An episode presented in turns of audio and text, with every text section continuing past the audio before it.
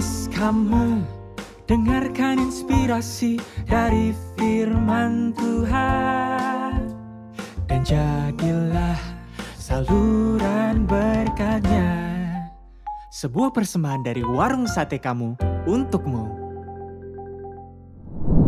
Halo Sobat Muda, gimana kabarnya? Di mana pun kalian berada, semoga kalian ada dalam keadaan yang sehat, yang sukacita, dan pokoknya yang baik-baik deh ya. Kembali lagi bersama saya Ari di podcast kamu, podcast spesial dari Warung Sate Kamu buat Sobat Muda semua. Nah, di podcast kali ini, kalau teman-teman um, sering ikutin podcast-podcast kita ya, kali ini tuh spesial teman-teman. Karena pembicaranya, narasumbernya adalah seorang dokter. Dokternya muda, dokternya cantik, ramah pula. Ya, nah penasaran seperti apa dokternya? Kita kenalan dulu ya. Halo dok. Halo Kak Ari. Ya, boleh kita kenalan ke teman-teman. Boleh sebutkan nama, terus uh, spesialisasinya dokter apa nih? Terus uh, bekerjanya di mana? Selamat pagi teman-teman semua. Wah, ketahuan ya jadi pagi ya ini. Iya, ketahuan syutingnya pagi nih ya teman-teman ya. Teman-teman, perkenalkan saya Dokter Lydia. Um, bukan Lydia Kando, Lydia Tan. Saya kerja sebagai dokter penyakit dalam di Rumah Sakit Mitra Keluarga Kalideres. Dan sehari-hari selain sebagai internis atau dokter spesialis penyakit dalam, saya juga ngajar sebagai dosen ilmu penyakit dalam di Fakultas Kedokteran Universitas Tarumanegara yang ada di Grogol.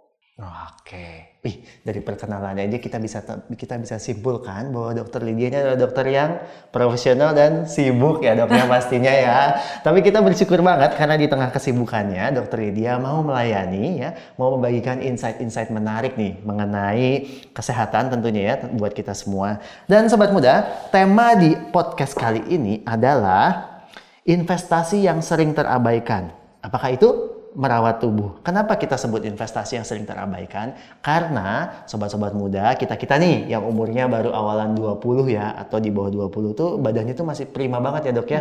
Mau tidur begadang bisa Ayo. ya, mau tidur jam 3 pagi kelas kuliah pagi pun masih nggak apa-apa, masih kuat gitu ya. Jadi ngerasa ya ini badan gue masih kuat kok ya kan. Terus ngapain gue khawatir gitu ya kan? Olahraga ya nanti dulu lah ya. Makan sehat nanti dulu. Kan ada seblak ada cimol ada iya. goreng-gorengan ya kan? Semua dimakan kayak gitu ya. Dan kita biasanya belum mikir nih akan resiko-resiko yang ada di depannya. So jadi hari ini bersama dokter Lydia kita mau kulik lebih dalam tentang bagaimana kita bisa merawat tubuh dari dini sebagai apa ya butuh karena tubuh ini sebagai investasi terbesar kita ya dok ya? Betul nah, sekali. supaya nanti Setuju saat banget. kita tua saat seiring kita berjalannya usia hidup kita tetap bisa maksimal kita bisa enjoy dan juga kita bisa melayani Tuhan. Oke tadi udah kenalan ya dengan dokter Lydia. Sebelum kita masuk ke pertanyaan-pertanyaan aku pengen tanya lagi dokter Lydia nih ya kan. Kenapa sih dok pilih jadi internis Ah, pertanyaan luar biasa. Kenapa jadi internis? Kenapa bukan jadi dokter yang lain ya, gitu ya? dokter gigi atau dokter kecantikan mungkin ya. Kenapa tuh internis ya? Sebenarnya dokter internis itu namanya juga penyakit dalam. Mm -hmm. Jadi ngurusin jeroannya orang, ya jeroan, dalam-dalaman ya. Tapi uh, penyakit dalam itu sendiri sebenarnya adalah ibunya dari penyakit.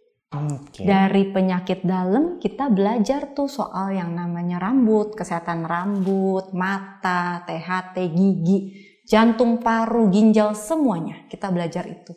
Jadi penyakit dalam itu menurut saya sih sangat holistik, sangat menyeluruh sekali. Jadi kita bisa melayani eh, pasien-pasien mulai dari ujung rambut sampai ujung kakinya, dari luar sampai ke dalam gitu. Jadi ya sehat secara utuh Okay. Dan itulah kenapa saya sepertinya tertarik dengan penyakit dalam dan saya memutuskan untuk jadi dokter penyakit dalam. Okay. Dan Tuhan mengabulkannya. Wih, keren banget ya. Jadi uh, sobat muda, penyakit dalam tadi dokter Lydia bilang itu apa ya? Berarti kalau kita ngecek dari dalamannya dulu, itu ibaratnya kita ngecek dari akar-akarnya dulu ya. Betul. Gitu. Nah, kalau pengen jadi dokter sendiri, kenapa nih motivasinya? Kita flashback dulu ya sobat muda ya sebenarnya dulu nggak mau jadi dokter kari. Nah, pengen jadi apa dong? Dulu tuh sebenarnya pengen jadinya guru. Okay. Jadi lihat anak-anak TK itu lucu-lucu gitu ya. Mungkin kan karena cewek ya. Jadi hmm. naluri keibuan begitu kali ya mungkin. Jadi waktu itu mau lihat anak-anak TK tuh lucu banget gitu. Jadi pengen jadi guru TK ceritanya. Hmm. hmm, hmm. Tapi ya Tuhan berkata lain ya. Maksudnya semua kan dalam rencananya Tuhan gitu hmm. kan. Jadi pada waktu SMA kelas 3 itu saya diizinkan sakit Oke. Nah ini juga nanti yang mau saya share. Jadi kita maksudnya eh, anak-anak muda gitu jangan sembarangan juga nih ngurus kesehatan gitu kan. Hari itu saya merasa kuat, namanya anak SMA, Mm-mm. begadang segala macam, bla bla. Akhirnya sakit dan sakit itu nggak masuk sekolah itu satu bulan. Wah. Jadi semua ujian nasional apa semua lewat dan akhirnya em, pilihan itu cuma ada waktu itu udah dapat beasiswa untuk teknologi informatika. TI. Dulu kan TI lagi booming banget. Ya. Ya sekarang juga booming. Hmm. Nah, pada akhirnya singkat kata Tuhan kasih pilihan dua, mau jadi dokter atau arsitek. Jadi saya pikir kalau arsitek kan naik-naik genteng gitu ya. Itu pikiran waktu anak SMA tuh. ya udah saya jadi dokter aja. Selain eh, saya lihat dokter juga kan nolongin orang juga ya Hmm. semua pekerjaan nolongin orang ya tapi saya pikir dari dokter sama arsitek kalau satu urusannya sama kayu sama bangunan gitu ya kalau yang satu lebih berinteraksi sama orang jadi saya pikir saya lebih senang juga nih berinteraksi sama orang Oke. lihat kalau orang itu sehat saya juga happy dia Hmm, happy saya happy semua happy Oke, berarti keseharian sebagai seorang internis ini lebih banyak di rumah sakit ya dok ya? lebih banyak di rumah sakit ya Oke, dan tadi juga sekaligus ada ngajar juga ya. Mhm. Oke, berarti uh, cita-cita ingin jadi gurunya nggak hilang banget lah ya? Betul Tetap bisa Betul. ngajar. ya Oke, nah teman-teman, kalau kita ngomongin soal tubuh ya, kita kan di sini uh, saya yakin nih audiens semua teman-teman ini masih pada muda. Kita juga masih muda ya dok ya. Kita masih 17 tahun plus plus ya, plus dikit nih ya. Nah, kalau ngomongin soal tubuh nih dok ya, kemampuan tubuh apakah sih yang kita miliki di saat muda, tapi akan terus menurun seiring dengan naiknya usia? menarik. Dulu waktu kita masih, eh sekarang sih hidup masih muda ya. Mm-mm. Waktu kita merasa muda, kita merasa sehat, kita merasa semuanya tuh baik-baik saja. Sebenarnya masuk usia kepala tiga sih, itu setiap tahunnya satu persen dari sel-sel kita, fungsi sel kita itu menurun. Jadi semua fungsi sel kita, begitu kita masuk usia kepala tiga, setiap tahunnya eh, semua fungsi dalam badan kita ini turun satu persen Oke. gitu. Itu secara fisiologis, secara normal begitu, tapi itu tidak terasa. Oke. Itu masih belum kerasa. Nanti mulai kepala 4, mulai kepala 5 udah makin kerasa. Jadi bukan hanya organ-organ tertentu yang menurun, tapi dari ujung rambut sampai ujung kaki, dari luar sampai dalam semuanya turun. Oke, ada contoh yang kelihatan gitu dok? Yang kelihatan adalah mungkin dari rambut. Ya, dari rambut udah mulai putih, Ah, satu dua biji satu dua gitu ubanan ya. Oke. Dan itu mitos tuh yang katanya rambut uban nggak boleh dipetik. Hmm, Ntar makin banyak. Oke, Nah, nggak petik mah petik aja supaya tetap kelihatan ya. muda ya. Oke. Kecuali yang memang genetiknya rambutnya putih semua. Hmm, Oh jangan ntar botak. Hmm, hmm, hmm. Terus dari mata yang tadinya mungkin nggak pakai kacamata, terus udah mulai aging kan pakai Hmm, hmm. kacamata. Nanti masuk kepala 4 teman-teman mulai merasakan pada umumnya yang tadinya minus jauh ngeliat jauh eh, susah.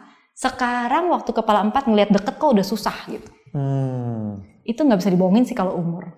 Ya, itu dan turun tuh sel-sel di mata. Eh, penciuman, penghidu, eh, sama pengecapan. Hmm. Kalau dulu asin banget gitu ya. Tapi nanti makin usia, ini kok nggak asin-asin gitu. Tambah lagi garam, tambah lagi garam. Bukan karena mau merit jadi keasinan gitu ya, enggak. Oke. Tapi karena memang udah turun pengecapnya gitu. Jadi jangan salahin kakek nenek kita kalau kok nggak asin sih masakan kamu gitu. Hmm, Karena hmm. memang pengecap mereka udah turun juga. Jantung, Oke. dulu bisa lari 100 kilo misalnya. Hmm. Heart rate-nya mah nggak apa-apa gitu ya. Hmm. Tapi setelah masuk kepala 3, kepala 4 itu juga pasti akan turun. Ya, paru-paru juga sama. Eh, pencernaan juga sama. Oke. Ya, yang tadi bisa pup mungkin, sorry ya, pupupnya lancar. Mungkin Hmm, makin hmm. usia makin kurang lancar. Oh, Ngompol juga sama. Oke. Tapi Kari, kita bisa menua dengan sehat loh. Oh ya, menarik nih. Gimana tuh dok? Jadi masuk kepala 6 yang namanya lansia itu tidak harus selalu sakit-sakitan. Oke. kita bisa menua dengan sehat, kita bisa menua dengan sukses. Artinya masuk kepala 6 itu nggak harus ada penyakit. Oke, menarik, menarik. Masih bugar, masih sehat, masih fit. Itu bisa. Hmm. Nah, sobat muda, justru itulah yang bakal kita gali lebih dalam ya. Kita saya- bocorin. Kita bocorin ya teman-teman. Kenapa? Karena tentunya kita semua pasti pengennya sehat. Nggak ada orang yang pengen sakit, ya Hmm. kan? Tapi untuk sehat itu pasti ada perjuangannya. Nggak cuma kita dengan ongkang-ongkang kaki doang ya. Yes. Kita perlu merawat tubuh. Nah, dok, ya, tadi kan eh, setelah masuk umur 30 akan terjadi penurunan-penurunan ya. Tadi contoh-contohnya udah ditunjukin tuh teman-teman ya, yang sifatnya bisa kelihatan oleh mata gitu ya kan. Nah, kalau dari kita umur muda sendiri nih, khususnya kita di kisaran umur 18 sampai 24 tahun ya, baik itu laki dan perempuan, apa dong dok yang harus kita waspadai dari umur sekarang? Hmm, berarti mau masuk-masuk usia kuliah deh. Ya, masuk-masuk usia kuliah nih. Dulu tuh kuliah ya ngapain ya? Oke. Uh, ya biasanya kan anak-anak kuliah itu pada rata-rata kan ikut temen-temen sih ya, Ya. kan makanya tuh kan ada di itu ayat pergaulan yang buruk Buruk. merusak kebiasaan yang baik Hmm. jadi ada baiknya juga kita bikin ter- jadi trendsetter eh, kelakuan yang baik gitu ya kebiasaan yang baik supaya ya lingkungan kita juga oke kan Hmm. kebiasaan yang baik itu mungkin kita bisa mulai dari tidur Hmm. karena ini penting banget teman-teman. Tidur itu adalah yang paling penting. Tidur pada laki-laki usia 18 sampai 24 tahun dan perempuan itu beda. Ya, sampai nanti-nanti pun beda. Eh, Laki-laki dan perempuan punya kebutuhan tidur jumlah jamnya itu beda. Laki-laki mungkin bisa tidur lebih singkat, tetapi kita perempuan tidurnya harus lebih panjang dari laki-laki. Karena pengaruh hormonal. Jadi jangan salahin kalau pasangan kita gitu ya, laki-laki punya pasangan ceweknya tidur melulu gitu ya. Tapi itu membuat mereka jadi lebih sehat. Jadi kalau laki-laki butuh mungkin tidur 6 sampai 8 jam, kita mungkin perempuan butuhnya 7 sampai 9 jam. Oke. Dengan cukup tidur, semua sel fungsi kit- eh, fungsi sel kita tuh akan baik banget. Oke. Dan ini adalah investasi. Kita nggak akan rasa sekarang, tapi yang kita akan rasakan adalah di 10 tahun kemudian. gitu. Hasil teman-teman sekalian yang sekarang umur 18 sampai 24 tahun itu adalah hasil dari mama papanya teman-teman. Mama papa teman-teman udah bagus banget ngerawat teman-teman sekalian sehingga teman-teman bisa sehat seperti sekarang.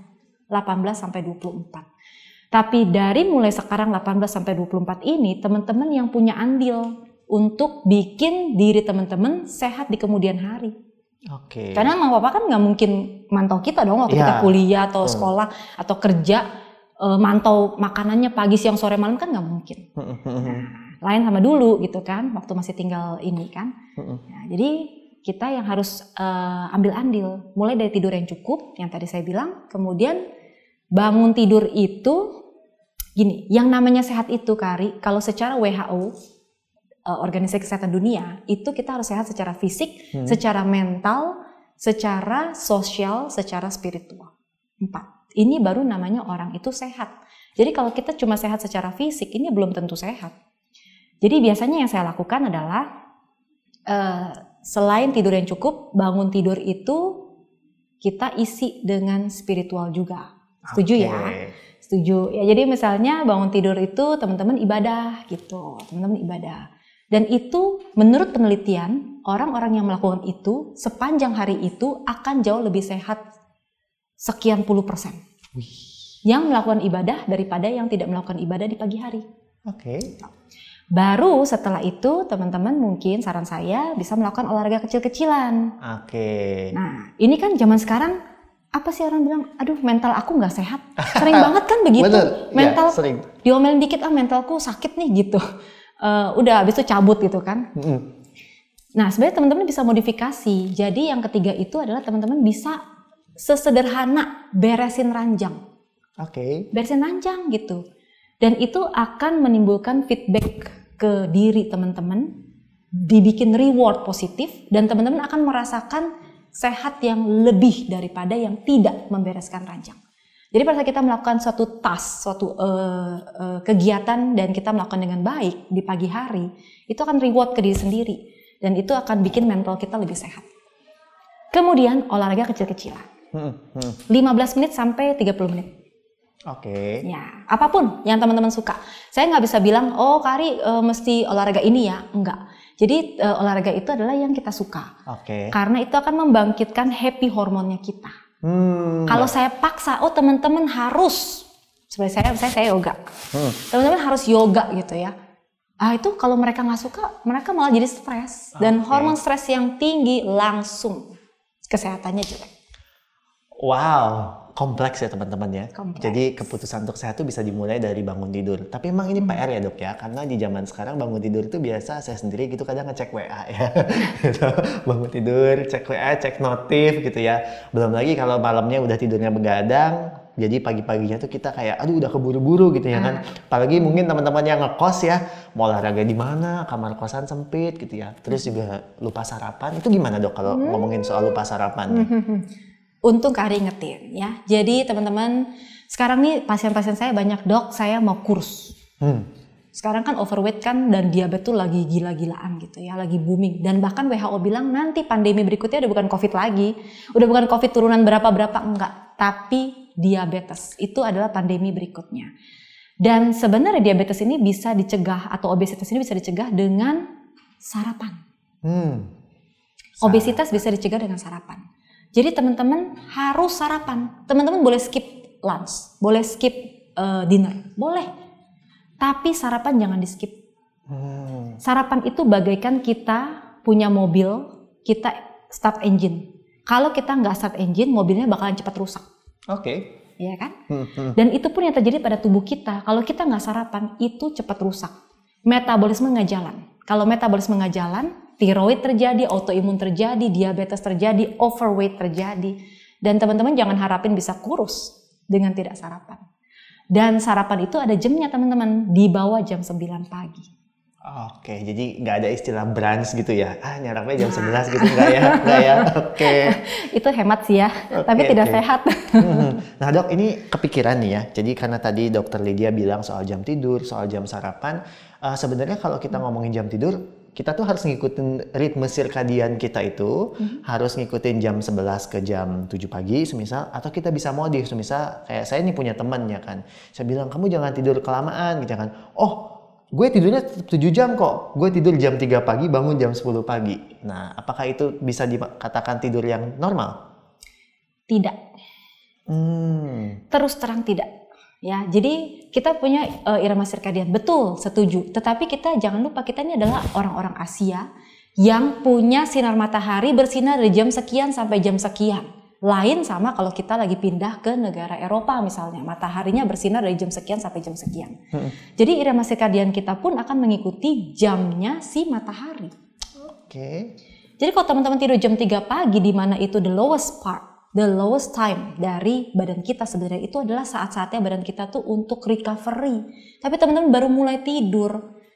Kalau si badan bisa ngomong, ya kapan aku recovery dong? Hmm. Sedangkan jam 9 ke atas matahari sudah bersinar terik, di mana harusnya hormon bangun itu sudah mulai aktivitas, hormon bangun dalam kita, metabolisme harus sudah jalan dan teman-teman baru ah baru bangun, baru mau start. Itu akan menimbulkan kekacauan di dalam irama sirkadian dan akhirnya metabolisme kacau. Kalau metabolisme kacau, semua penyakit terjadi. Oke. Kok jadi berat ya? Berat banget ya teman-teman ya. Mungkin di sini kita bisa eh, teman-teman semua yang dengerin podcast ini bisa merenung dulu ya kan. Kira-kira to do list dulu ya dalam diri ya kan. Aku begadang nggak ya? Terus aku sarapan nggak ya? Terus aku olahraga kecil-kecilan nggak ya? Dan aku stres nggak ya? Karena ini kan saling berkaitan ya teman-teman ya. Nah ini bahasanya menarik banget karena memang kita biasanya anak-anak muda itu cukup abai ya dok ya soal kesehatan. Kita lebih mentingin eh, misalkan kalau ngomongin investasi reksadana ya kan? Atau apa pun yang berkaitan dengan keuangan gitu ya kan? Kripto mungkin ya buat teman-teman yang mikirnya eh, pengen mendapatkan cuan dalam waktu dalam jumlah besar gitu ya. Dan tapi kadang kita suka lupa gitu kan bahwa tubuh ini tuh ya cuma satu-satunya doang yang kita miliki gitu ya. Kita nggak bisa ganti nggak bisa ganti badan ya teman-teman ya. Kita bisa investasi apa pun, tetapi yang paling menguntungkan adalah investasi ke diri sendiri kan Kak? oke benar itu. Nggak pernah rugi. Nah, dok, kalau dari penjelasan dokter Lydia tadi, em, saya rasa emang cukup sulit ya dalam merawat tubuh gitu ya. Tapi apakah benar harus sesulit itu, dok? Gimana caranya membuat kebiasaan-kebiasaan tadi itu menjadi fun, menyenangkan, dan kayak natural kita lakuin tanpa Ya. keterpaksaan? Ya, ya, ya, ya, ya. Ah, sebenarnya harus dipikirkan dulu nih, ya kan? Kalau merawat tubuh adalah suatu investasi yang selalu menguntungkan. Berarti nggak pernah minus ya nggak hasilnya pernah ya? minus, Ah, nggak oke. pernah rugi. Kita boleh investasi properti dan bisa rugi. Kita bisa investasi yang lain seperti tadi Kak Ari bilang, reksadana dan sebagainya bisa saja rugi gitu ya. Tetapi kita harus tanam baik-baik di pikiran kita bahwa investasi ke diri sendiri itu tidak pernah rugi. Baik itu leher ke atas yaitu studi edukasi Hmm. maupun leher ke bawah yaitu aktivitas fisik, menjaga supaya bagaimana selain otak kita sehat juga eh, tubuh satu tubuh ini sehat. Itu investasi yang tidak pernah rugi. Dan kita bisa mulai dari hal-hal sederhana. Itu sehat itu menyenangkan, sehat itu mudah. Hal-hal sederhana. Tidur itu kan gampang teman-teman. Ya udah tinggal tidur gitu. Hmm, Kalau orang bilang sekarang anak muda sekarang kan pada susah tidur gitu Iya, ya. karena nempel di kasur itu yang ada overthinking ya, bukan yang Yes. ngantuk ya. Kebanyakan overthinking kan. Benar. Padahal kita punya Tuhan yang hebat loh. Hmm, hmm, hmm. Serahin dong ke Tuhan gitu. Karena apa Kari? Menurut penelitian, orang-orang yang sulit tidur itu ternyata 90% disebabkan oleh pikiran. Oke.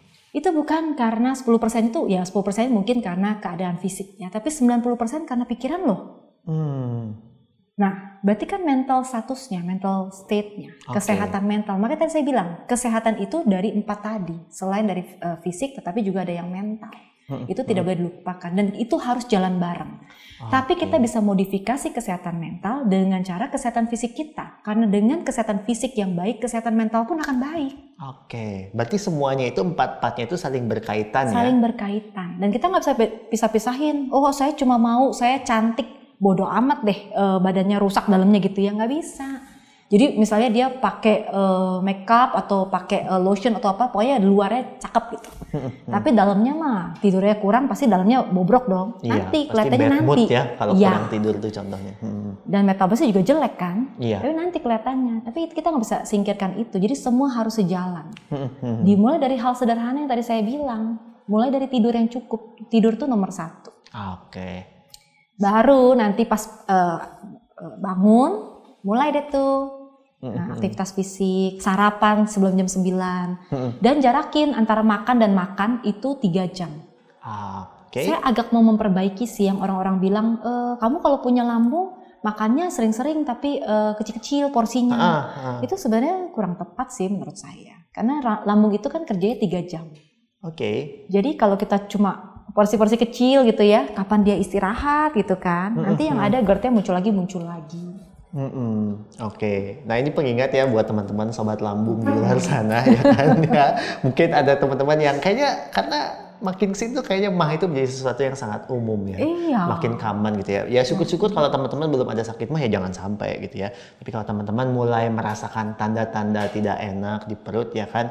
Nah ini momen yang paling tepat untuk bertobat teman-teman ya. Bertobat dimulai dari bangun apa memperbaiki pola tidur ya. Jadi Pola sebenarnya- tidur, pola makan. Ya pola tidur, pola Soalnya makan. usia yang Kari bilang itu 18-24 itu kan masa-masa kuliah, masa-masa sambil kerja juga. Itu Yes. banyak banget yang sakit mah dan sebagainya.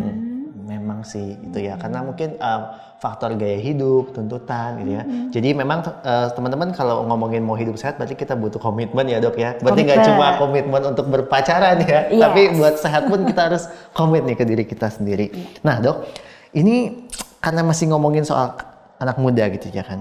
Ada nih ya dok ya anak-anak muda yang bilang gini dok, sakit mah takdir itu mah udah takdir gitu ya kan. Terus hidup kan cuma sekali. Jadi kalau mau makan yang enak, mau minum-minum ya kan, mau begadang party ya nggak apa-apa dong. Kan YOLO, you only live once ya kan. Nah, bagaimana tanggapan Dokter Lydia mengenai pandangan ini? Iya. Gitu teman-teman, karena hidup cuma satu kali, makanya harus diisi, isilah diri sendiri itu dengan baik yang firman Tuhan. Dan jadilah saluran berkatnya. Sebuah persembahan dari warung sate kamu untukmu.